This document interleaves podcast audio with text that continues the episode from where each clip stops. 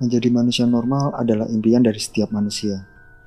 Tapi apa jadinya ketika Anda mengalami sebuah peristiwa, di mana peristiwa tersebut akan merubah perjalanan hidup Anda? Dari yang semula terasa indah, menjadi sebuah mimpi buruk. Nama gue Reza. Gue merupakan lulusan salah satu perguruan negeri ternama di salah satu universitas negeri yang ada di Jakarta. Ya, sebuah kampus yang berada pada lingkungan yang asri dengan banyaknya pepohonan besar di sekitarnya. Bahkan bisa dikatakan kampus gue tersebut merupakan sebuah hutan kota di antara banyaknya bangunan besar yang ada di Jakarta. Hampir kurang lebih empat setengah tahun lamanya gue mengenyam pendidikan di kampus tersebut. Hingga akhirnya di saat waktu kelulusan tiba, gue pun mendapatkan sebuah panggilan pekerjaan yang akhirnya mengantarkan perjalanan hidup gue untuk berlabuh di salah satu kota yang ada di Jawa Timur. Pada awalnya perjalanan hidup gue ini terasa begitu indah, bahkan bisa dikatakan sempurna. Karena bisa dibilang Tuhan begitu memudahkan setiap langkah yang gue ambil dalam menjalani kehidupan di dunia ini. Tapi semua keindahan dari rangkaian perjalanan hidup gue itu, kini berubah secara drastis. Seiring dengan terjadinya berbagai macam kejadian aneh yang gue alami di salah satu mes perusahaan yang berlokasi di Jawa Timur. Dan percayalah, ketika gue menuliskan semuanya ini, gue tercekam dalam rasa ketakutan yang mendalam.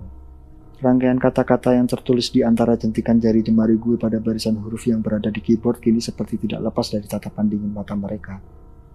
Dan sejujurnya saat ini gue hanya berharap semoga malam ini cepat berlalu dan berganti menjadi siang.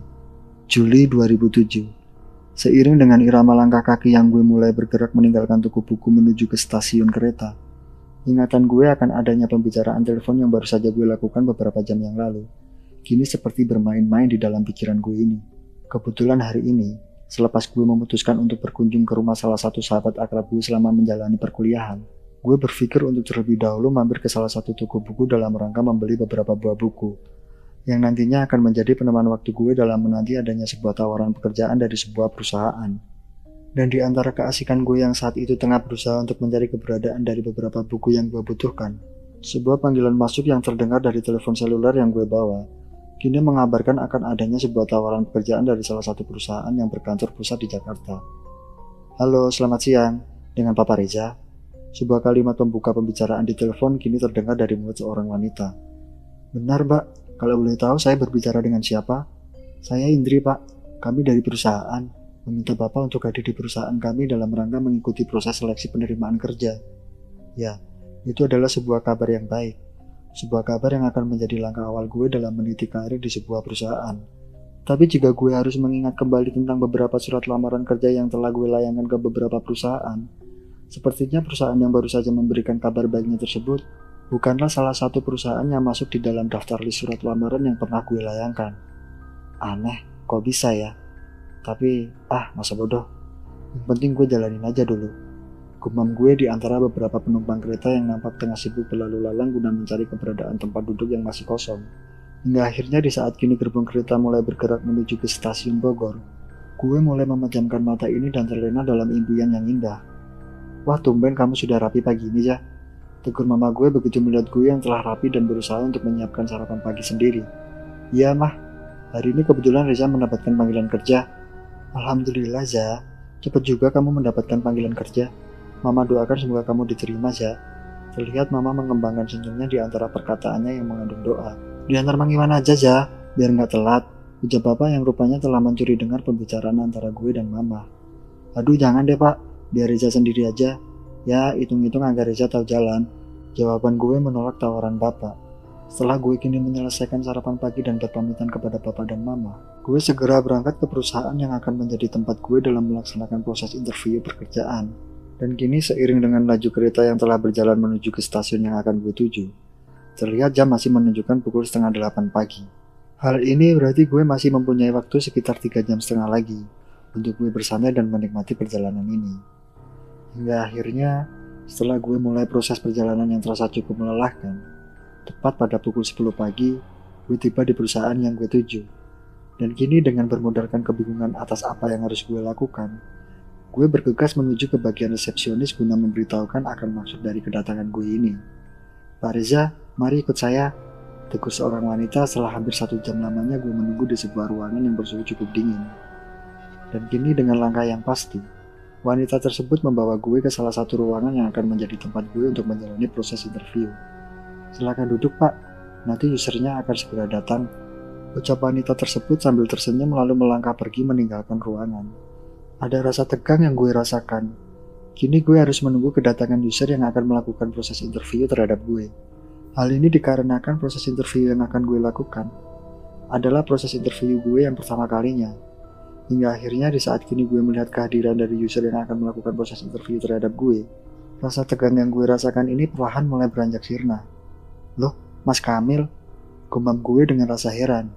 Begitu gue menyadari bahwa sosok pria yang telah berdiri di hadapan gue ini adalah seorang yang telah gue kenal. Ya, dia adalah Mas Kamil, seorang pria yang merupakan senior gue sewaktu masa perkuliahan dulu. Dan Mas Kamil ini telah lulus satu tahun lebih cepat dari gue. Kaget ya ya? Tanya Mas Kamil sambil tersenyum. Iyalah mas, soalnya seingat gue, gue belum pernah melamar ke perusahaan ini. Kembali Mas Kamil tersenyum begitu mendengar jawaban gue tersebut. Hingga akhirnya seiring dengan pembicaraan yang mulai menyentuh ke arah rincian pekerjaan yang akan gue lakukan jika gue menerima pekerjaan ini, Mas Kamil mulai menceritakan tentang sejarah dan bidang usaha yang dijalani oleh perusahaan yang menjadi tempatnya bekerja saat ini. Dan sepertinya dari cara berbicara Mas Kamil dalam menceritakan semuanya itu, Mas Kamil saat ini mungkin sudah memegang sebuah posisi penting di dalam perusahaan. Dan karena posisinya tersebutlah yang membuat Mas Kamil bisa merekomendasikan gue untuk mengisi salah satu posisi kosong yang ada di dalam departemennya. Bagaimana, Zak? Tanya Mas Kamil seraya mengarahkan pandangannya ke wajah gue. Ternyata di luar Jakarta ya mas, kalau memang seperti itu, gue harus terlebih dahulu membicarakannya dengan kedua orang tua gue. Ah, gimana sih Jak? Lu ini kan udah dewasa.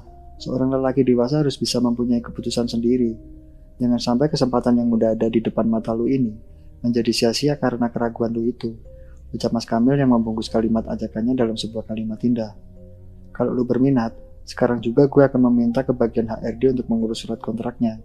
Karena saat ini, departemen gue memang lagi membutuhkan cepat seorang tenaga kerja yang terampil, ular dan yang pasti pintar.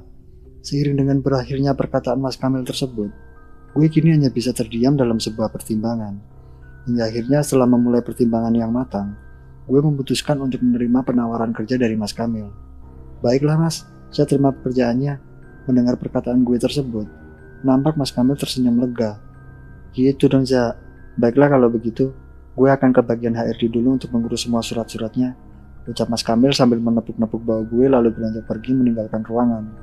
Kini setelah semua surat-surat kontrak telah dipersiapkan dan telah gue tanda tangani, Mas Kamil segera menerangkan tentang pekerjaan yang akan gue lakukan nanti. Dan pekerjaan yang akan gue lakukan tersebut dimulai dengan keharusan gue untuk menjalani sebuah proses training setibanya gue di kantor Sabang. Nanti lu akan menjalani training terlebih dahulu, Jak, selama seminggu. Tapi tenang aja, gue yakin lu pasti bisa kok, ucap Mas Kamil dengan penuh antusias. Insya Allah, Mas. Jadi kapan gue bisa berangkat? Seminggu dari sekarang, Jak. Lu persiapkan deh semuanya. Dan jangan lupa untuk izin sama orang tua lu. Siap, Mas. Terima kasih atas bantuannya. Seiring dengan berakhirnya proses interview yang gue lakukan, gue segera meninggalkan perusahaan dengan wajah yang gembira. Keinginan gue untuk segera memberitahu kabar gembira ini kepada bapak, mama, dan Bulan, yang merupakan kekasih gue selama menjalani perkuliahan, kini telah membuat langkah kaki gue ini terasa begitu ringan untuk melangkah menuju ke stasiun kereta. Mah, Reza diterima kerja, ucap gue setibanya di rumah. Dan kini begitu mendengar kabar bahagia yang terucap dari mulut gue itu, nampak terlihat ekspresi kegembiraan di wajah mama dan bapak. Alhamdulillah, Za, seiring dengan perkataan yang terucap dari mulut mama, Terlihat mama beranjak dari duduknya lalu memeluk gue.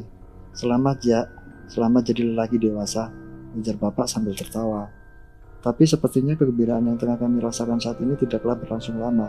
Seiring dengan penjelasan gue yang menerangkan tentang rencana penempatan kerja setelah gue menerima pekerjaan ini, Bapak dan Mama terlihat menunjukkan kegundahan hatinya.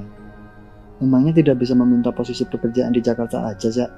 Kamu kan tahu, Bapak dan Mama kamu ini sudah tua, kalau memang perusahaan nggak bisa untuk menempatkan kamu di Jakarta, lebih baik kamu meneruskan usaha bapak aja. Ucap bapak di antara pergerakan tangannya yang tengah membersihkan sebuah peristiwa dengan selai kain. Untuk sekedar informasi, apa yang tengah bapak lakukan saat ini adalah sebagai bagian dari hobinya yang mempunyai kegemaran dalam mengoleksi benda-benda tua dan bernilai seni tinggi. Lama kini gue terdiam begitu mendengar perkataan yang telah diucapkan oleh bapak. Hingga akhirnya setelah keterdiaman gue tersebut, Gue mulai menjelaskan kepada bapak mengenai alasan gue menerima tawaran pekerjaan itu. Sejujurnya selain gue ingin mencoba untuk hidup mandiri, gue juga merasa bahwa perusahaan yang akan menjadi tempat gue bekerja nanti adalah sebuah perusahaan besar yang menjanjikan adanya sebuah jenjang karir yang bagus. Dan kini begitu mendengar penjelasan gue tersebut, sepertinya bapak dan mama bisa memahami serta menerima penjelasan gue itu. Dan hal ini berimpas pada keluarnya izin mereka yang memperbolehkan gue untuk bekerja. Walaupun izin yang diberikan mereka itu masih disertai dengan ekspresi wajah keberatannya. Kapan kamu rencananya berangkat, ya? Tanya bapak dengan penuh keingintahuan. Kalau tidak ada halangan, mungkin minggu depan, Pak. Reza mohon doa restu bapak dan mama. Iya, Ja. Bapak dan mama pasti merestui. Yang penting kamu bisa membawa diri di tempat kamu yang baru. Ucap mama seraya memeluk gue di sela isak tangisnya yang terdengar. Seminggu sudah waktu berlalu dari perbincangan antara gue dengan bapak dan mama. Tanpa terasa kini tiba waktunya bagi gue untuk berangkat menuju ke sebuah tempat yang akan menjadi titik awal gue dalam meniti karir pekerjaan. Dan kini dengan diantarkan oleh Mang Iwan dan Wulan, gue menuju ke sebuah stasiun kereta yang akan mengantarkan gue ke sebuah tempat di Jawa Timur. Kamu kok diam aja, Wul? Tegur gue begitu melihat Wulan yang terdiam di sepanjang perjalanan menuju ke stasiun. Tapi kini bukannya sebuah jawaban yang gue terima, Terlihat Wulan menghela nafas panjangnya di antara genangan air mata yang tersembunyi di kedua kelopak matanya. Mendapati hal tersebut, cukuplah bagi gue kini untuk mengambil sebuah kesimpulan bahwa Wulan saat ini sedang dalam keadaan bersedih akibat dari kepergian gue ini. Hingga akhirnya setibanya kami di sebuah stasiun kereta, Wulan berusaha mengegambkan jari jemari tangannya ke tangan gue. Mungkin ini adalah sebuah isyarat dari Wulan guna menyatakan rasa keberatannya atas kepergian gue ini. Jangan lupa untuk memberi kabar, Ucap Wulan dengan genangan air mata yang membasahi kelopak matanya. Iya, Wul. Jangan lupa doain aku ya. Semoga aku bisa secepatnya menikahi kamu agar kita nggak terpisah seperti ini lagi. Ujar gue sambil memeluk tubuh Wulan lalu melepaskannya kembali. Dan kini seiring dengan langkah kaki gue yang telah menaiki kereta, nampak terlihat butiran air mata yang mulai membasahi pipi Wulan. Dan sepertinya kehadiran butiran air mata tersebut kini mengantarkan pergerakan dari kereta yang mulai berjalan secara perlahan meninggalkan stasiun. Selamat tinggal Jakarta. Selamat datang pekerjaan. Semoga gue bisa cepat sukses. Doa gue di antara keberadaan Wulan yang terlihat mulai menjauh. Seiring dengan laju kereta yang telah berjalan jauh meninggalkan Jakarta, kini lamunan gue seperti bermain-main dengan sebuah rencana kerja yang akan gue lakukan setibanya gue di kantor cabang nanti. Dan mungkin hal tersulit yang akan gue hadapi dari perjalanan yang tengah gue lakukan saat ini adalah proses adaptasi dengan lingkungan kerja serta dengan lingkungan dari tempat tinggal gue selama bekerja di Jawa Timur. Dan kini di antara laju kereta yang terus berjalan menembus teriknya matahari, gue mencoba untuk mengingat kembali akan petunjuk yang telah diberitahukan oleh Mas Kamil mengenai apa yang harus gue lakukan setibanya gue nanti di stasiun Pasar Turi. Dan berdasarkan petunjuk yang telah diberitahukan oleh Mas Kamil tersebut, setibanya nanti gue di stasiun Pasar Turi, gue harus melanjutkan perjalanan ini menuju ke stasiun yang gak bisa gue sebut namanya, lalu berlanjut menuju ke kota yang menjadi tujuan gue. Semoga nanti semuanya berjalan lancar Doa gue dalam hati seraya memperhatikan situasi di dalam gerbong kereta. Dan kini seiring dengan pandangan mata gue yang menyapu ke setiap sudut di dalam gerbong, terlihat keberadaan dari beberapa pasang keluarga yang tengah asik dengan aktivitasnya masing-masing. Hingga akhirnya di saat pandangan mata gue terarah ke salah satu kursi penumpang yang tidak jauh dari lokasi sambungan antar gerbong kereta, gue melihat keberadaan seorang kakek tua yang tengah mengarahkan pandangannya ke arah gue. Mau apa sih kakek itu? Gumam gue yang merasa risih dengan pandangan dari kakek tua tersebut. Hingga akhirnya di antara pandangan mata gue yang masih menatap ke arah kakek tua tersebut, kakek tua tersebut terlihat mengalihkan pandangan matanya ke arah pemandangan yang ada di luar gerbong kereta.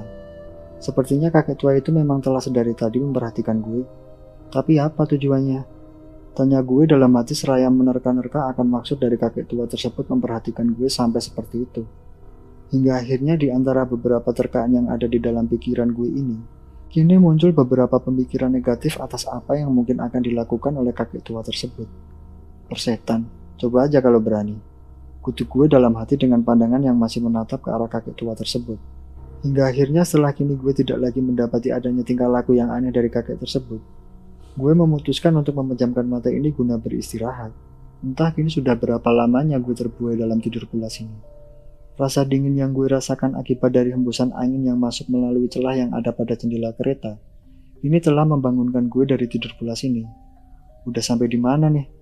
Tanya gue begitu mendapati kereta yang terhenti di tengah hamparan luas pematang sawah. Dan kini di antara pemandangan mata gue yang menatap ke arah bagian luar dari gerbong kereta, terlihat keberadaan dari pematang sawah yang terselimuti oleh kegelapan malam. Mendapati hal tersebut, Pandangan gue kini terarah ke beberapa penumpang yang ada di dalam gerbong kereta. Dan sepertinya keberadaan dari kakek tua yang telah gue lihat tadi, kini sudah tidak terlihat lagi di kursinya. Di mana kakek tua itu? Selepas dari pertanyaan yang terucap dari mulut gue itu, kini gue berusaha untuk mencari tahu keberadaan dari kakek tua tersebut. Hingga akhirnya di antara ketidakmampuan gue untuk menemukan keberadaan dari kakek tua tersebut, kini keinginan gue untuk buang air kecil telah mengantarkan langkah kaki gue menuju ke sebuah toilet yang berada tidak jauh dari lokasi sambungan gerbong kereta. Leganya, Gumam gue begitu telah menyelesaikan panggilan alam ini. Dan kini sambil bersiul santai, gue bergegas keluar dari dalam toilet untuk menuju ke kursi gue kembali. Tapi baru saja gue melangkah keluar dari dalam toilet, secara tidak sengaja, pandangan gue mendapati keberadaan dari kakek tua yang memang telah sedari tadi gue cari. Sedang apa kakek tua itu? Tanya gue dalam hati begitu melihat kakek tua tersebut tengah berdiri di sambungan gerbong kereta dengan mengarahkan pandangannya ke pematang sawah. Dan kini begitu mendapati apa yang tengah dilakukan oleh kakek tua tersebut, gue segera mengarahkan pandangan mata ini ke arah pematang sawah. Aneh, apa sebenarnya yang tengah dilihat oleh kakek tua itu? Gumam gue di antara ketiadaan sesuatu yang mungkin menjadi objek dari penglihatan kakek tua tersebut. Mendapati hal ini, kini gue memutuskan untuk menghampiri kakek tua tersebut. Sedang apa kak? Seiring dengan terucapnya pertanyaan dari mulut gue itu, nampak kakek tua tersebut mengarahkan pandangannya ke wajah gue. Dan setelah terdiam beberapa saat, kakek tua tersebut kembali mengarahkan pandangannya ke pematang sawah. Orang tua brengsek, maki gue dalam hati dan berbalas dengan keterdiaman kakek tersebut. Mendapati hal tersebut, gue memutuskan untuk beranjak pergi meninggalkan kakek tua tersebut. Hei dik, ke sini sebentar. Tegur kakek tua tersebut begitu melihat gue yang hendak melangkah pergi. Dan kini untuk sesaat lamanya setelah gue mendapati panggilan dari kakek tua tersebut, Gue hanya terdiam dengan pandangan menatap ke wajah kakek tua tersebut. Ada apa kek? Tanya gue kepada kakek tua tersebut seraya mengarahkan pandangan mata ini ke arah bagian kepala dari kakek tua tersebut. Nampak terlihat keberadaan dari balutan kain batik yang hampir menyerupai sebuah belangkon menghiasi kepala kakek tua tersebut. Sebaiknya, kalau kamu hendak berkunjung ke daerah yang baru, tolong yang sopan, jangan arogan. Jawab kakek tua tersebut dengan ekspresi wajah yang menegang. Maksud kakek apa? Tanya gue dengan nada yang agak meninggi. Singkirkan harimau putih yang sedari tadi menemani kamu itu. Hah? Harimau putih? Tanya gue dalam hati seraya mencari keberadaan dari harimau putih seperti apa yang telah dikatakan oleh kakek tua tersebut. Dan kini di antara rasa bingung gue atas apa yang telah dikatakan oleh kakek tua tersebut, gue menyimpulkan bahwa kakek tua yang tengah berada di hadapan gue ini adalah seorang kakek tua yang tidak waras. Coba kamu lihat kera-kera yang ada di pematang sawah itu. Mereka tampak tidak senang dengan kehadiran kamu dan harimau putihmu itu. Ucap kakek tua tersebut dan kembali berbalas dengan kebingungan gue. Entah kini gue harus menyikapi dengan kalimat apa atas perkataan dari kakek tua tersebut. Kesimpulan gue yang menyatakan bahwa kakek tua tersebut adalah seorang kakek tua yang tidak waras, kini semakin bertambah menguat seiring dengan pandangan mata gue yang tidak mendapati keberadaan apa pun di pematang sawah selain pekatnya kegelapan malam. Dan kini di antara rasa kesal yang gue rasakan akibat dari perkataan kakek tua tersebut, ingin rasanya gue memaki kakek tua tersebut. Tapi semuanya itu urung gue lakukan, karena gue masih memegang teguh sebuah ajaran yang mengajarkan gue untuk bersikap sopan terhadap orang lain apalagi terhadap orang tua seperti ini. Mungkin kakek lelah, sebaiknya kakek istirahat saja, ucap gue seraya hendak berjalan menuju ke kursi. Sebentar dik, kamu dari Jakarta? Iya kek, tepatnya dari Bogor. Jawab gue seraya menunda keinginan gue untuk meninggalkan kakek tua tersebut. Apakah kamu percaya dengan apa yang baru saja saya katakan? Sama sekali saya nggak percaya kek. Saya nggak percaya dengan hal-hal yang seperti itu, karena buat saya pribadi, semua hal-hal yang berbau mistis adalah sebuah pemikiran yang tidak berlandaskan pada akal yang sehat. Jawab gue seraya memandang ke arah wajah dari kakek tua yang ada di hadapan gue ini. Gimana mau maju bangsa ini kalau rakyatnya saja masih saja percaya dengan hal-hal klinik seperti itu? Ucap gue yang berbalas dengan ekspresi ketidaksenangan di wajah kakek tua tersebut. Jangan tak kabur kamu dik, ucap kakek tua tersebut dengan sorot mata yang tajam. Percayalah, sekarang ini saya sedang melihat keberadaan seorang wanita yang mengenakan pakaian putih kumal dengan rambut yang terurai panjang tengah menangis di ujung gerbong sana. Dan sepertinya tatapan matanya yang mengarah kepada kita atau lebih tepatnya kepada kamu adalah sebuah isyarat akan ketidaksukaan terhadap apa yang telah kamu lakukan dan juga terhadap harimau putih yang kamu bawa itu. Maksud kakek apa? Memangnya saya sudah melakukan apa? Tanya gue dengan rasa heran. Dan kini selepas dari pertanyaan gue tersebut, gue bisa merasakan adanya sebuah hembusan angin dingin yang menerpa tubuh gue. Dan entah mengapa di saat gue merasakan semuanya itu, gue merasa bulu kuduk yang ada di tubuh gue ini seperti menebal. Sepertinya dia terkena air kencing kamu, Sebaiknya kamu berdoa sebelum buang air kecil. Ucap kakek tua tersebut dan berbalas dengan keterdiaman gue. Hingga akhirnya di antara keterdiaman gue itu, nampak kakek tua tersebut seperti merapalkan sesuatu di mulutnya. Orang gila, empat gue dalam hati begitu melihat kekonyolan yang dilakukan oleh kakek tua tersebut. Dia sudah pergi dan memaafkan atas ketidaktahuan kamu itu. Ucap kakek tua tersebut tanpa memperdulikan rasa emosi yang tengah gue rasakan. Hingga akhirnya sebelum rasa emosi gue ini mulai tersulut menjadi sebuah tindakan yang nyata, gue memutuskan untuk menyudahi pembicaraan yang tidak masuk akal ini. Sudah ya kek, saya mau istirahat dulu. Terima kasih atas cerita konyolnya itu. Ucap gue seraya mengembangkan senyum lalu meninggalkan keberadaan dari kakek tua tersebut. Dasar kakek-kakek sinting, maki gue di antara hempasan tubuh gue ini di kursi. Dan kini di antara keinginan gue yang ingin menghilangkan perkataan kakek tua tersebut dari pikiran gue ini, gue memutuskan untuk membaca beberapa buku yang memang telah gue persiapkan untuk mengisi waktu luang gue di saat menjalani perjalanan panjang ini. Buang harimau kamu itu. Jangan menantang dengan apa yang tidak pernah kamu bayangkan. Sebuah kejadian yang buruk akan terjadi dan akan merubah cara berpikir kamu. Pernahkah kamu mengalami sebuah kejadian di mana kamu sedang berada dalam posisi yang sangat nyaman, dan tiba-tiba saja sesuatu yang kurang menyenangkan terjadi? Ya, itulah yang kini gue rasakan saat ini. Di saat kini gue tengah menikmati rasa nyaman di antara halaman demi halaman buku yang telah gue baca, tanpa adanya sebuah alasan yang jelas, Kakek tua tersebut kembali mengucapkan sebuah perkataan aneh yang sangat tidak gue mengerti akan maksud dan tujuannya. Dan kini belum sempat gue membalas perkataan dari kakek tua tersebut. Dengan tanpa rasa bersalah, nampak kakek tua tersebut telah berjalan meninggalkan gue menuju ke kursinya. Sialan tuh kakek, kok jadi malah nyumpain gue sih? Gerutu gue begitu melihat kakek tua tersebut telah duduk di kursinya. Seiring dengan detik waktu yang terus berjalan, keberadaan gue yang kini telah berada di stasiun Pasar Turi Kini harus berlanjut menuju ke stasiun yang tidak bisa aku sebut namanya, dengan menggunakan sarana transportasi angkutan umum. Dan setibanya gue kini di stasiun akhir yang menjadi akhir dari perjalanan panjang gue ini, sepertinya kedatangan gue ini memang telah ditunggu oleh seseorang yang mungkin telah ditugaskan oleh kantor cabang untuk menjemput kedatangan gue ini. Selamat datang, Pak. Perkenalkan saya Imron. Saya supir kantor yang ditugaskan untuk menjemput Bapak. Sapa Pak Imron seraya memberikan jabatan tangannya. Oh, begitu, Pak. Perkenalkan saya Reza. Ucap gue sambil menyambut jabatan tangan Pak Imron. Oh iya Pak Reza, tadi Pak Kamil sudah menelpon dari Jakarta. Kata Pak Kamil, sebaiknya Bapak Reza langsung saja menuju ke mes. Jadi dengan kata lain, baru besok pagi saya akan mengantarkan Pak Reza ke kantor. Ujar Pak Imron yang berbalas dengan persetujuan gue. Dan gini seiring dengan keberadaan dari beberapa tas gue yang telah dimasukkan oleh Pak Imron ke dalam mobil, terlihat Pak Imron menyalakan mesin mobil lalu menjalankannya dan seiring dengan laju mobil yang telah berjalan meninggalkan stasiun, kami pun segera menuju ke mes perusahaan sesuai dengan apa yang telah Pak Imron bicarakan tadi. Sunyi, sepi, dan gelap. Itulah gambaran kata-kata yang bisa gue berikan ketika kini gue menatap ke arah pemandangan yang berada di sisi kanan dan kiri jalan. Untuk sesekali nampak terlihat keberadaan dari beberapa pohon jati yang berukuran cukup besar berdiri dengan kokohnya di sisi jalan. Itu dia mesnya pak, Ucap Pak Imron seraya mengarahkan jari tangannya pada sebuah rumah. Dan seiring dengan pemberitahuan Pak Imron tersebut, nampak terlihat di pandangan mata gue ini keberadaan sebuah rumah yang terlihat cukup tua. Dan sepertinya rumah tersebut adalah rumah tua peninggalan Belanda yang mungkin telah dijadikan sebagai mas perusahaan. Mari masuk pak, biar saya bawakan tas bapak, ujar Pak Imron begitu tiba di mes. Dan selepas dari perkataannya tersebut, kini terlihat Pak Imron membawakan tas-tas yang gue bawa menuju ke arah pintu mes. Assalamualaikum, Seiring dengan ucapan salam yang terucap dari mulut Pak Imron, terdengar suara jawaban salam dari dalam mes, dan tidak berselang lama kemudian, nampak kehadiran seorang pria yang usianya mungkin hampir seusia dengan gue muncul dari balik pintu mes yang telah terbuka. Eh Pak Indra, tolong perkenalkan Pak, ini Pak Reza, dan Pak Reza ini adalah pegawai baru yang rencananya akan tinggal di mes ini juga. Ucap Pak Imron sambil membawa masuk tas-tas ke dalam mes. Sepertinya kini Pak Imron membawa tas-tas tersebut masuk ke dalam sebuah kamar yang mungkin kamar tersebut memang telah dipersiapkan untuk gue. Cukup panggil saya Indra saja, sepertinya kita seumuran, sapa Indra sambil menyodorkan tangannya.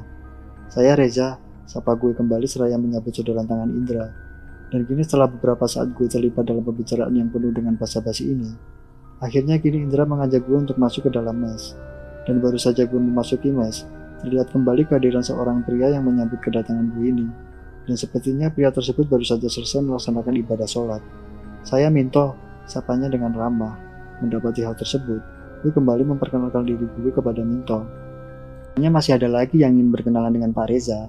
Namanya Mas Dikin. Dia penjaga kebersihan di mes ini. Ya, bisa disebut UBMS lah. Ujar Indra yang berbalas dengan pergerakan pandangan mata gue dalam mencari keberadaan dari orang yang baru saja disebut oleh Indra tadi. Loh, orangnya di mana? Tanya gue yang berbalas dengan senyum yang mengembang di wajah Indra. Orangnya udah tidur, mungkin besok pagi kamu bisa berkenalan dengannya. Setelah beberapa saat lamanya kami kembali terlibat dalam pembicaraan, akhirnya Pak Imron berpamitan untuk meninggalkan mes, dan gue pun bergegas menuju kamar gue untuk beristirahat. Kalau Pak Reza mau ke kamar mandi, kamar mandinya ada di ruang belakang, di dekat dapur, ujar Indra memberitahukan keberadaan dari kamar mandi.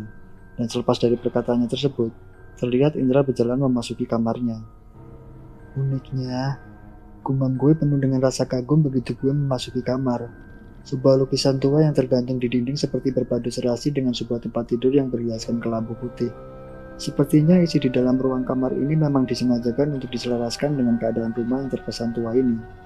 Hingga akhirnya setelah hampir setengah jam lamanya gue berada di dalam kamar, kini semua pakaian yang semula masih berada di dalam tas telah gue pindahkan ke dalam lemari. Sebaiknya gue ke kamar mandi dulu, udah lengket banget nih badan gue. Gumam gue seraya berjalan keluar dari dalam kamar untuk menuju ke kamar mandi. Dan kini seiring dengan langkah kaki gue yang telah berjalan menuju ke kamar mandi, bisa melihat keberadaan dari beberapa ruangan yang menjadi bagian dari rumah ini. Jika gue harus menggambarkan keberadaan dari ruangan yang tengah gue lihat saat ini, keberadaan dari ruangan tengah ini terpisah dengan bagian dapur dan kamar mandi. Memang keren juga desain orang-orang Eropa ini. Gumam gue di antara pandangan mata gue yang tengah memandang pintu kaca tua yang menjadi sekat pemisah antara ruang tengah dengan kamar mandi dan dapur. Ya akhirnya setelah kini gue merasa puas memandangi pintu kaca tersebut, gue memutuskan untuk segera mandi. Segarnya, Ucap gue dalam hati begitu merasakan kesejukan dari air dingin yang menyentuh tubuh gue ini. Dan kini seiring dengan berjalannya aktivitas gue dalam membersihkan tubuh ini, untuk sesekali gue mengarahkan pandangan mata ini ke beberapa sudut ruangan yang ada di dalam kamar mandi. Nampak terlihat keberadaan sebuah sumur tua yang menghiasi salah satu sudut ruangan dari luasnya ruangan kamar mandi. Sepertinya sumur tua tersebut memang diperuntukkan untuk berjaga-jaga apabila rumah ini mengalami masalah dengan pompa airnya. Sepertinya gue akan kerasan tinggal di tempat ini, Ucap gue seraya menyelesaikan aktivitas mandi ini. Dan kini seiring dengan waktu yang beranjak semakin malam, gue memutuskan untuk beristirahat guna menghilangkan rasa lelah yang gue rasakan selama perjalanan panjang yang telah gue lalui tadi. Sinar cahaya matahari pagi yang menembus lubang ventilasi udara yang ada di dalam kamar, kini membangunkan gue dari tidur lelap ini. Rasa lelah yang gue alami selama perjalanan panjang kemarin, sepertinya telah membuat proses istirahat gue ini terasa begitu singkat. Untuk sesaat lamanya kini gue hanya bisa terdiam di atas tempat tidur. Hingga akhirnya keberadaan dari jam yang tergantung di dinding kamar kini menyadarkan gue bahwa hari ini adalah hari pertama gue dalam memasuki dunia kerja. Sial gue telat. Seiring dengan perkataan yang terucap dari mulut gue tersebut, secara refleks gue segera mengambil handuk yang tergantung di besi tempat tidur lalu segera beranjak pergi menuju kamar mandi. Dan kini di antara langkah kaki gue yang tengah berjalan menuju ke kamar mandi, Terlihat keberadaan dari Indra dan Minto yang sepertinya telah siap untuk bekerja, dan saat ini mereka tengah menikmati sarapan paginya. Wah, kesiangan nih Pak Reza, tegur Minto dengan nada bercanda. Panggil gue Reza aja Pak, nggak enak kalau pakai kata Pak, jadi canggung rasanya. Kalau gitu panggil gue Minto aja. Ujar Minto yang berbalas dengan tawa kecil Indra yang sepertinya tengah menertawakan tingkah laku gue yang tengah berjalan dengan penuh kepanikan menuju ke kamar mandi. Za, kami duluan ya, Biar nanti gue suruh Pak Imron untuk menjemput lu di sini. Oke, terima kasih. Tolong kasih tahu juga ke orang kantor kalau hari ini gue datang agak terlambat. Teriak gue dari dalam kamar mandi. Tak begitu lama, sebuah suara ketukan yang terdengar dari pintu kamar mandi kini menghentikan pergerakan gue dalam mengguyurkan air ke tubuh gue ini. Pak Reza, saya Dikin. Teh manis dan sarapannya sudah saya siapkan di meja makan ya. Oh Mas Dikin, terima kasih Pak. Jawab gue seraya menyudahi mandi. Dan gini di antara handuk yang telah menutupi tubuh gue ini, gue meletakkan beberapa helai pakaian kotor di dalam bak plastik lalu menaruh bak plastik tersebut di atas sumur yang atasnya telah ditutupi oleh sebuah triplek. Mas Dikin ya? Tanya gue ketika baru saja hendak memasuki kamar dan melihat keberadaan seseorang yang berusaha lebih tua dari gue sedang meletakkan sebuah kunci di atas meja makan. Mendengar suara teguran gue tersebut, terlihat Mas Dikin segera menghampiri gue dan menyodorkan tangannya. Iya pak, saya Dikin. Maaf ya pak kalau semalam saya sudah tidur. Oh nggak apa-apa Mas Dikin, perkenalkan saya Reza. Jawab gue sambil membalas jabatan tangan Mas Dikin lalu bergegas memasuki kamar. Dan kini baru saja beberapa saat gue berada di dalam kamar, gue kembali mendengar suara teriakan Mas Dikin yang terdengar dari luar kamar. Dan dalam teriakannya tersebut, Mas Dikin memberitahukan bahwa Mas Dikin hendak pergi keluar rumah guna membeli keperluan dapur. Kunci Pak Reza saya taruh di meja makan ya. Baik Mas Dikin, terima kasih. Jawab gue dan berbalas dengan keheningan. Mendapati hal tersebut, gue segera mengenakan pakaian dan mengambil tas laptop yang sedari malam tadi masih gue letakkan di atas lantai. Apa ini? Gumam gue ketika membuka resleting di bagian depan mendapati sebuah benda kecil yang terbungkus oleh selai kain hitam yang bertuliskan aksara dalam bahasa Arab. Untuk sejenak ini gue memandangi benda tersebut dengan rasa bingung. Hingga akhirnya di antara kebingungan gue tersebut, gue memutuskan untuk membuka kain hitam tersebut dan mendapati keberadaan sebuah kujang kecil berada di dalamnya. Siapa yang telah menaruh benda ini di atas laptop gue ya? Tanya gue dalam hati. Dan kini seiring dengan pikiran gue yang teringat akan hobi bapak dalam mengoleksi barang-barang tua dan antik, Entah mengapa firasat gue langsung mengatakan bahwa benda ini memang telah sengaja diletakkan oleh bapak di dalam tas laptop gue ini. Tapi untuk apa bapak menaruh benda ini di dalam tas gue? Tanya gue kembali dalam hati. Ah masa bodoh lah, gue udah kesiangan nih. Gumam gue seraya mengeluarkan kucing kecil tersebut dari dalam tas lalu meletakkannya di bawah tumpukan baju yang ada di dalam lemari pakaian. Dan kini seiring dengan kesiapan gue yang telah siap untuk berangkat kerja, Gue segera berjalan menuju ke meja makan untuk menghabiskan sarapan pagi yang telah dipersiapkan oleh Mas Dikin. Baju sudah rapi, perut sudah kenyang, tas sudah siap. Saatnya berangkat dan menunggu Pak Imron di luar. Kini di antara pergerakan gue yang tengah memasukkan anak kunci ke dalam rumah kuncinya, tiba-tiba saja terdengar suara yang hampir menyerupai suara bandingan atas benda tertentu. Berat! Lama kini gue terdiam dalam rasa terkejut. Hingga akhirnya di antara ketidakmampuan gue dalam menerka sumber suara tersebut, gue memutuskan untuk memeriksa ke dalam kamar. Dan seiring dengan pergerakan tangan gue yang telah membuka pintu kamar, gue tidak menemukan adanya indikasi yang mengarah pada sumber suara tersebut. Apa mungkin gue yang salah dengar ya? Tanya gue dalam hati seraya hendak kembali menutup pintu kamar. Tapi baru saja tangan gue kini hendak menutup pintu kamar, gue kembali mendengar adanya suara bantingnya yang terdengar cukup keras. Dan untuk kali ini gue merasa sangat yakin kalau suara yang telah terdengar itu adalah suara dari bandingan pintu stainless yang telah dihempaskan dengan cara yang kasar. Dan sepertinya suara tersebut bersumber dari arah kamar mandi. Brengsek. Maki gue dalam rasa terkejut. Di antara rasa keingintahuan gue atas suara bandingan yang telah terdengar tersebut, gue memutuskan untuk berjalan menuju ke kamar mandi. Tapi seiring dengan langkah kaki gue yang kini mulai mendekati kamar mandi, firasat gue yang mengatakan bahwa ada sesuatu yang menjadi penyebab dari suara bandingan yang telah terdengar itu. Ini telah membuat pergerakan dari langkah kaki gue ini bergerak secara perlahan menuju ke kamar mandi. Apa mungkin ada maling yang telah masuk ke dalam rumah ini ya? Tanya gue dalam hati seraya mengambil sebuah hiasan ukiran kayu yang berada di atas meja. Dan sepertinya keberadaan dari ukiran kayu yang kini telah berada di dalam genggaman tangan gue sangatlah cukup untuk menjadi senjata gue dalam menghadapi adanya kemungkinan orang asing yang tengah berada di dalam kamar mandi. Dan kini di antara rasa kekhawatiran gue atas keberadaan seseorang yang tengah berada di dalam kamar mandi, Keberadaan dari pintu kamar mandi yang terlihat terbuka, kini telah membuat keyakinan gue akan adanya keberadaan seseorang di dalam kamar mandi semakin kuat. Gue yakin pasti ada maling nih. Gumam gue di antara keteringatan gue atas apa yang telah gue lakukan setelah gue selesai mandi tadi.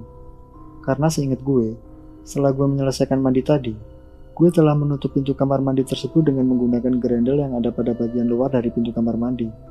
Siapa di dalam? Tegur gue dengan suara meninggi. Dengan harapan apa yang tengah gue lakukan saat ini akan memberikan sebuah efek rasa takut bagi seseorang yang mungkin tengah berada di dalam kamar mandi.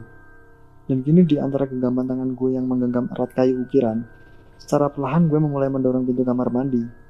Dan entah mengapa seiring dengan pintu kamar mandi yang telah terbuka, gue merasakan ada nyambusan angin dingin yang menerpa wajah gue.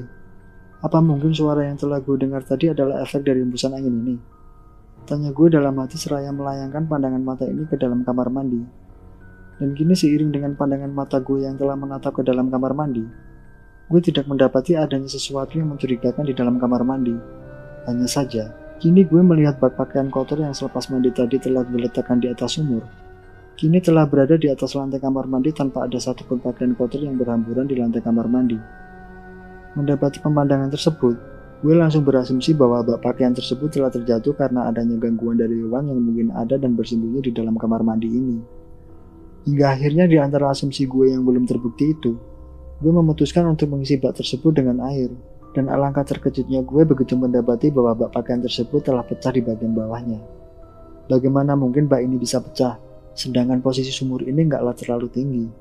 Tanya gue dalam hati, dan mencoba untuk berpikir positif atas apa yang telah gue temui saat ini. Untuk sesaat lamanya kini gue hanya terdiam dalam memandangi air yang mulai surut di dalam bak pakaian.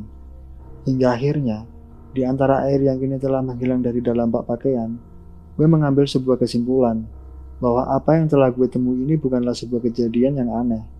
Karena sangatlah mungkin hal ini terjadi akibat dari kelalaian gue yang tidak memeriksa terlebih dahulu keadaan bak pakaian sebelum gue mengisikan dengan pakaian kotor. Sedangkan untuk kejadian suara bantingan yang terdengar dari pintu kamar mandi, gue menduga hal tersebut bisa saja terjadi karena ketidaksempurnaan gue dalam menutup pintu kamar mandi. Nggak perlu berpikir horor, semua ini bisa dijelaskan dengan akal sehat. Ucap gue seraya bernafas lega. Dan entah mengapa seiring dengan ucapan gue tersebut, gue kembali merasakan adanya hembusan angin dingin yang kembali menerpa tubuh gue ini. Gue yakin pasti angin ini masuk melalui celah ventilasi udara itu. Selepas dari perkataan yang terucap dari mulut gue tersebut, gue kini memandangi keberadaan dari lubang ventilasi udara yang berada di dinding kamar mandi. Tapi baru saja sesaat gue mengamati lubang ventilasi udara tersebut, terdengar suara panggilan Pak Imron yang sepertinya telah menanti keberadaan gue di luar mes. Mendapati hal tersebut, Gue segera bergegas keluar dari dalam kamar mandi, lalu berjalan menuju ke teras depan. Pagi Pak Reza, kok mukanya terlihat tegang begitu sih Pak? Tanya Pak Imron begitu melihat keberadaan gue yang telah keluar dari dalam mes. Nggak ada apa-apa Pak Imron, biasalah, ini efek dari rasa tegang. Karena hari ini adalah hari pertama saya mulai bekerja. Jawab gue tanpa berkeinginan untuk menceritakan tentang apa yang telah gue alami kepada Pak Imron. Oh begitu ya Pak, ujar Pak Imron dengan menunjukkan ekspresi ketidakpercayaannya. Singkat cerita, gue memulai semua rangkaian pekerjaan ini dengan sebuah perkenalan lalu berlanjut dengan aktivitas training pekerjaan. Hingga akhirnya setelah melakukan semua aktivitas itu, tanpa terasa waktu istirahat pun kini tiba. Dan kini seiring dengan keasikan gue yang tengah menikmati waktu istirahat di kantin, terlihat kehadiran Minto, Indra, serta Pak Yanto, yang merupakan tutor gue selama menjalani training di perusahaan ini ikut bergabung dalam acara makan siang ini. Bagaimana dengan akomodasinya Pak Riza? Apakah nyaman? Tanya Pak Yanto di antara kesibukan tangannya yang memainkan sebuah sendok di piring makan. Dan seiring dengan pertanyaan tersebut, terlihat Indra memberikan sebuah isyarat mata ke arah Pak Yanto. Nyaman Pak, kamarnya luas, bangunannya juga unik, semuanya terlihat bersih. Jawab gue, memberikan nilai positif pada mas perusahaan yang gue tempati saat ini.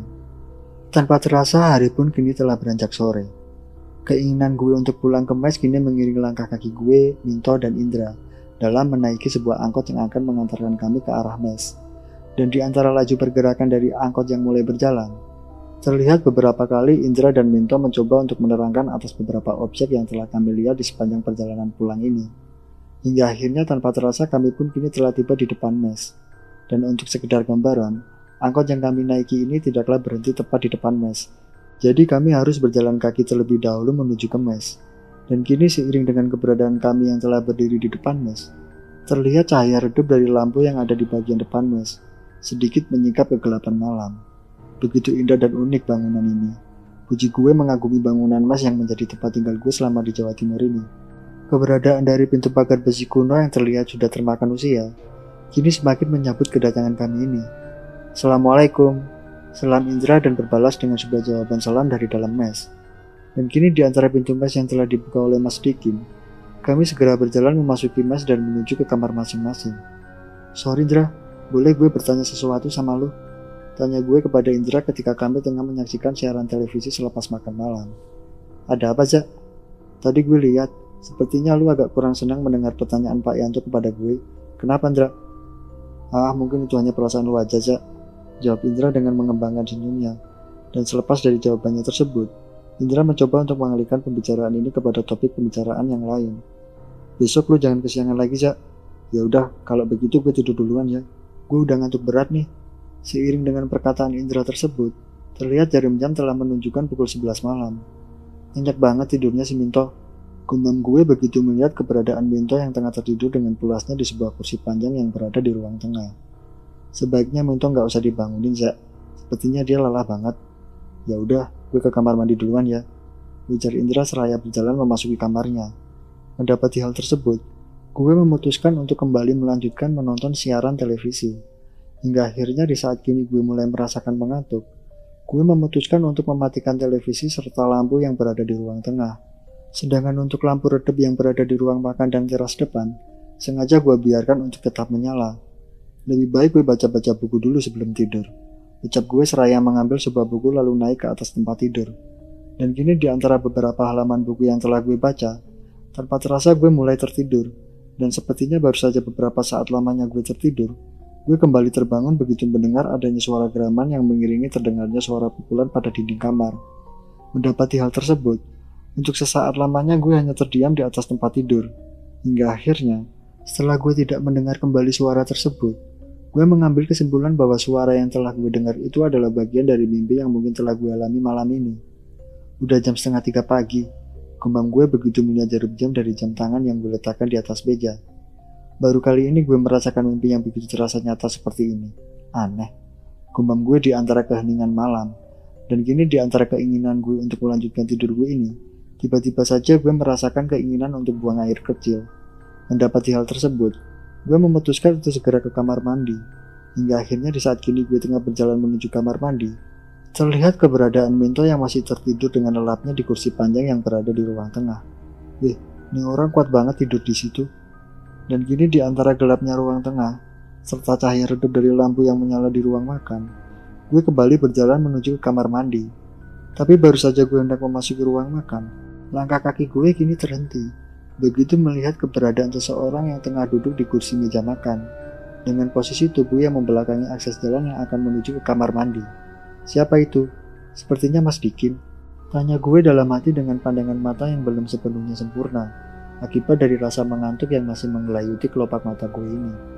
Dan kini tanpa ada pikiran negatif atas apa yang telah gue lihat saat ini, gue segera berjalan melintasi keberadaan Mas Dikin. Eh Mas Dikin, lagi gak bisa tidur ya? Tegur gue tanpa berharap adanya jawaban dari Mas Dikin. Eh, jawaban Mas Dikin sambil menganggukkan kepalanya. Mendapati jawaban Mas Dikin tersebut, tanpa menghentikan langkah kaki ini, gue tetap berjalan menuju ke arah kamar mandi lalu memasukinya. Dan kini seiring dengan panggilan alam yang telah gue penuhi, gue segera meninggalkan kamar mandi dan berjalan menuju ke ruang makan. Dan setibanya gue di ruang makan, gue tidak melihat lagi keberadaan Mas Dikin di ruang makan. Mendapati hal tersebut, setelah kini gue terlebih dahulu meminum segelas air putih untuk menghilangkan rasa haus ini, gue kembali berjalan menuju ke kamar untuk melanjutkan tidur. Singkat cerita, di antara rasa mengantuk yang masih menggelayuti kedua kelopak mata ini, dan kini seiring dengan pandangan mata gue yang terarah pada jam tangan yang berada di atas meja, terlihat waktu telah menunjukkan pukul 5 pagi. Hal ini berarti gue telah tertidur selama kurang lebih 2 jam. Setelah semalam tadi, gue sempat terbangun karena suara geraman yang terdengar. Sebenarnya semalaman itu gue hanya bermimpi atau memang gue telah mendengar suara geraman. Tapi suara geraman apa ya? Tanya gue masih dalam pertanyaan yang sama dengan apa yang telah gue pertanyakan pada saat suara geraman itu terdengar. Tapi satu hal yang pasti, Andai saja suara geraman tersebut didengar oleh orang yang sangat mempercayakan hal yang berbau gaib, pasti orang tersebut akan menghubungkan kejadian yang gue alami itu dengan sesuatu yang tidak kasat mata. Sepertinya nggak mungkin kalau gue tidur lagi. Oh iya, lebih baik gue jogging dulu di halaman. Ya, siapa tahu gue akan menemukan sesuatu yang berhubungan dengan apa yang telah gue dengar semalam tadi. Ucap gue seraya beranjak keluar dari dalam kamar. Dan kini setelah terlebih dahulu gue membasuh wajah ini dengan segarnya air di kamar mandi, Gue segera berjalan menuju ke halaman mas dengan melewati ruang tengah. Dan di saat itu gue sudah tidak melihat lagi keberadaan Minto di ruang tengah. Sepertinya Minto udah pindah ke kamarnya. Gombang gue seraya terdiam sejenak. Lalu kembali lagi berjalan menuju ke halaman mes. Dan kini di antara kegelapan yang masih menyelimuti halaman mes, keberadaan dari butiran embun pagi yang masih menempel di rerumputan, seperti berpadu serasi dengan kesegaran udara pagi yang gue rasakan pagi ini. Dan akhirnya tanpa berkeinginan untuk membuang waktu lagi, Gue segera melakukan peregangan tubuh, yang dilanjutkan dengan lari kecil gue di sekitar halaman mes. Hingga akhirnya ketika kini gue memasuki putaran akhir dari lari kecil yang gue lakukan ini, gue memutuskan untuk berhenti sejenak di depan jendela dari kamar yang gue tempati. Hal ini gue lakukan semata-mata untuk mencari keberadaan dari sesuatu yang mungkin akan terhubung dengan suara geraman yang telah gue dengar malam tadi. Cari apa Pak Reza? Tanya Mas Dikin yang sepertinya telah lama berdiri di belakang tubuh gue dan memperhatikan tingkah laku gue ini. Eh Mas Dikin, nggak lagi cari apa-apa kok mas. Kebetulan lagi sengaja. Ya siapa tahu ketemu yang unik-unik. Jawab gue beralasan. tanpa mengalihkan pandangan mata ini dari rerumputan yang ada di bawah jendela kamar. Pak Reza bisa aja, mana mungkin Pak Reza bisa menemukan yang unik-unik di bawah jendela ini, ujar Mas Dikin seraya mengembangkan senyumnya. Mendapati perkataan Mas Dikin tersebut, untuk sejenak ini gue menghentikan aktivitas pencarian gue ini. Oh ya mas, sepertinya semalam itu Mas Dikin lagi nggak bisa tidur ya. Pasti Mas Dikin lagi banyak pikiran nih. Tanda gue yang ternyata berbalas dengan ekspresi keterkejutan di wajah Mas Dikin. Ah, Pak Reza bercanda nih. Justru semalam itu saya tidur nyenyak banget. Jawab Mas Dikin dengan polosnya. Dan kini begitu mendapati jawaban Mas Dikin tersebut, gue hanya bisa terdiam dalam merasa terkejut. Karena bagaimana mungkin Mas Dikin bisa berkata seperti itu. Sedangkan semalam itu, gue melihat keberadaan Mas Dikin tengah duduk di kursi yang ada di ruang makan. Ada apa tuh Pak Reza? Kok terlihat jadi bingung begitu? Enggak ada apa-apa mas, ucap gue seraya berusaha untuk tidak menceritakan kejadian yang telah gue alami semalam. Ya wes pak, saya cuma kasih tahu aja kalau teh manis hangat sama makanan kecil sudah tersedia di meja makan. Ujar Mas Dikin lalu beranjak pergi meninggalkan gue. Mendapati keberadaan Mas Dikin yang kini telah berjalan memasuki mes, gue memutuskan untuk kembali melanjutkan mencari sesuatu yang mungkin terhubung dengan suara geraman yang telah gue dengar semalam tadi. Hingga akhirnya setelah gue merasa cukup dengan semua pencarian tanpa hasil ini, gue memutuskan untuk masuk ke dalam mes guna bergabung dengan Indra dan Minto yang sepertinya sudah berada terlebih dahulu di meja makan. Dari percakapan yang terlihat di antara Indra dan Minto, sepertinya mereka kini tengah terlibat dalam sebuah percakapan yang serius. Ayo ya, mumpung gorengannya masih hangat nih, ucap Indra seraya menyodorkan piring yang berisikan pisang goreng kepada gue. Mendapati penawaran Indra tersebut, kini gue memilih untuk terlebih dahulu meminum teh manis hangat, lalu melanjutkannya dengan menyantap pisang goreng. Sepertinya gue kalah cepat nih dengan kalian kalau urusan makan. Gerutu gue dan bersabut dengan gelap tawa Minto dan Indra. Tumben pagi banget lu udah bangun, Zak. Pasti lu nggak bisa tidur ya? Tanya Minto yang merasa tidak percaya karena melihat gue yang telah bangun sepagi ini. Ah, nggak juga, Tok. Semalam itu gue tidur sedikit nyenyak kok. Beda sama lu tuh yang tidur pulas banget semalam. Oh iya, sebenarnya semalam itu gue ingin membangunkan lu, Tok, untuk meminta lu pindah ke dalam kamar. Tapi Indra malah melarang gue untuk membangunkan lu. Mendengar perkataan gue tersebut, terlihat Minto dan Indra saling bertukar pandang. Kenapa lu berdua jadi pada bengong begitu? Tanya gue kepada Indra dan Minto karena merasa tidak nyaman dengan respon yang mereka berikan. Nah, bener kan Tok? Apa kata gue? Semalam itu Reza juga melihat lu tidur di kursi panjang itu. Ucap Indra seraya menyerahkan pandangannya ke wajah Minto. Iya, gue memang melihat lu tidur Tok. Memangnya kenapa? Tanya gue kembali dan berbalas dengan ekspresi ketakutan di wajah Indra dan Minto. Sepertinya kami harus jujur ya, ucap Indra yang sepertinya akan menceritakan sesuatu kepada gue. Dan kini setelah terdiam sejenak, Indra mulai menceritakan kepada gue tentang lika-liku kehidupan yang telah mereka lalui selama bekerja di perusahaan ini. Dan semuanya itu dibumbui dengan cerita tentang kejadian-kejadian aneh yang pernah mereka alami di mas ini. Hingga akhirnya, setelah Indra menceritakan tentang pengalaman anehnya tersebut, Indra kini mulai menceritakan tentang sosok pegawai yang telah gue gantikan posisinya di perusahaan ini. Jadi gue bekerja di perusahaan ini untuk menggantikan posisi Arda. Iya, ya. Oh, lantas Dra, hubungannya semua cerita lu ini dengan tidurnya Minto di ruang tengah itu apa? Nah, itu dia saja. Tadi itu Minto berkata kalau dirinya semalam gak tidur di kursi panjang itu. Jawab Indra yang berbalas dengan keterkejutan gue. Kalian lagi gak berusaha ngerjain gue kan? Gila lu, Jak. Apa untungnya juga gue sama Minto ngerjain lu? Jawab Indra sambil menggalang-galangkan kepalanya. Udahlah, sebaiknya kita lupakan dulu sementara. Dan nanti kita lanjutkan lagi perbincangan ini sepulang kerja. Ucap Minto sambil mengajak gue dan Indra untuk bersiap-siap kerja. Hari kedua gue bekerja di perusahaan, Kini kembali lagi diisi dengan training pekerjaan. Tapi untuk hari kedua ini, sepertinya gue sudah mulai bisa menguasai pekerjaan gue ini.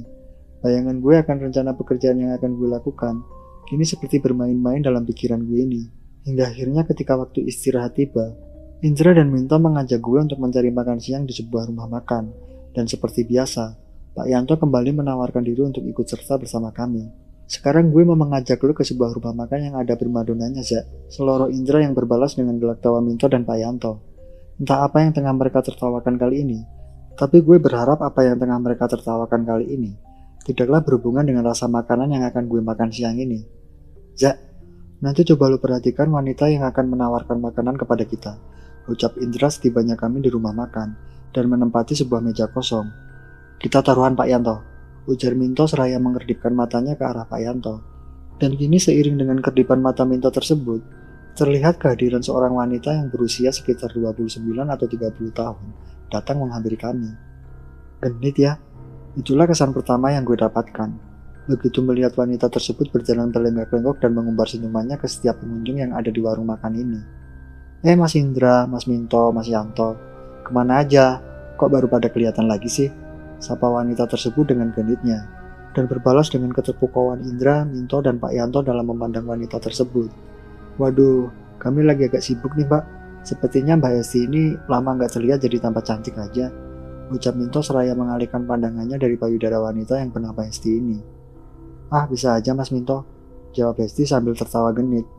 Wah, kalian bawa kawan baru kok nggak dikenalin sih? Ucap Esti begitu melihat ke arah gue yang mungkin terasa asing baginya. Siapa namanya mas? Dengan ada suara yang genit. Kini Hesti menyodorkan jabatan tangannya ke arah gue. Reza. Jawab gue seraya menyambut sodoran tangan Hesti. Dan kini di antara genggaman tangan gue yang menggenggam erat tangan Hesti, bisa gue rasakan. Kelembutan dari tangan Hesti seperti menghipnotis gue untuk memandangi setiap lekukan yang terlihat pada tubuh Hesti. Panggil aku Hesti aja mas. Oh iya, kalau nanti perlu tambahan yang lain, jangan sungkan-sungkan untuk memanggil aku, ucap Hesti dengan penuh keramahannya. Dan entah karena keramahannya yang tengah diperlihatkannya itu, ini gue melihat sosok Hesti yang semula terlihat biasa, telah berubah menjadi sosok wanita yang cantik, dengan kulitnya yang berwarna putih kecoklatan, lesung pipinya yang dalam, serta permainan matanya yang berjalan selaras dengan bibirnya yang kecil.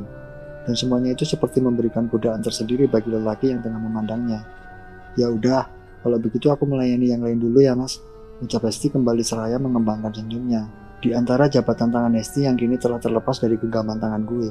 Terlihat Esti beranjak pergi meninggalkan kami dengan menunjukkan legak lenggok tubuhnya. Woi Zak, tegur Indra sambil menggerakkan telapak tangannya di depan muka gue. Gimana Zak, apa penilaian lu? Tanya Indra yang berbalas dengan penantian Minto dan Pak Yanto atas jawaban yang akan terucap dari mulut gue. Hmm, loh apa Zak? Kok lo malah jadi jawab hmm? Ujar Indra begitu melihat gue yang terdiam dalam lamunan. Sinden? Loh kok jadi sinden Zak? Wah lu gila ya? Seiring dengan perkataan yang terucap dari mulut Minto, terlihat Minto menepuk keningnya di antara gelak tawanya. Kalau menurut gue sih awalnya biasa aja, karena gue udah biasa melihat cewek seperti itu di Jakarta. Lu bilang kan awalnya, Terus bagaimana sekarang? Tanya Indra kembali dengan menunjukkan ekspresi rasa penasarannya. Gimana, Zak? Tanya Minto yang sepertinya kini merasa mulai penasaran dengan penilaian yang akan gue berikan terhadap Esti. Jujur aja, sekarang ini kepala gue jadi terasa pening kalau melihatnya. Jawab gue dan berbalas dengan gelak tawa Indra, Minto, serta Pak Yanto. Pening karena lu sedang menahan nafsu ya, Zak? Bicar Pak Yanto tanpa bisa menghentikan gelak tawanya. Ya, begitulah intinya. Pokoknya kepala gue ini jadi pening. Sebenarnya itu juga yang kami rasakan, Jak. Seiring dengan perkataan yang terucap dari mulut Indra, gelak tawa yang sedari tadi telah mengisi perbincangan kami ini, ini telah berganti dengan ekspresi keseriusan yang diperlihatkan oleh Indra, Minto, dan Pak Yanto. Tapi kami bisa menahan rasa nafsu itu, begitu kami mengingat dengan apa yang pernah terjadi pada Arda. Ucap Indra kembali seraya menghalai nafas panjang. Arda? Maksud kalian apa sih? Apa yang sebenarnya telah terjadi pada Arda? Tanya gue dengan rasa penasaran.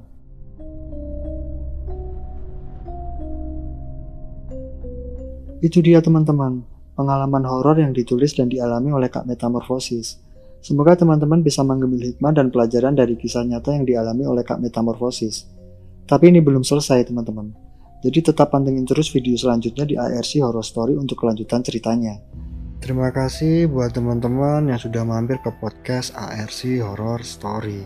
Jika kalian suka dengan ceritanya, silahkan share sebagai bentuk dukungan kalian. Jangan lupa untuk terus pantengin podcast ARC Horror Story agar kalian tidak ketinggalan cerita-cerita horor selanjutnya. Sampai jumpa di episode selanjutnya. Assalamualaikum warahmatullahi wabarakatuh.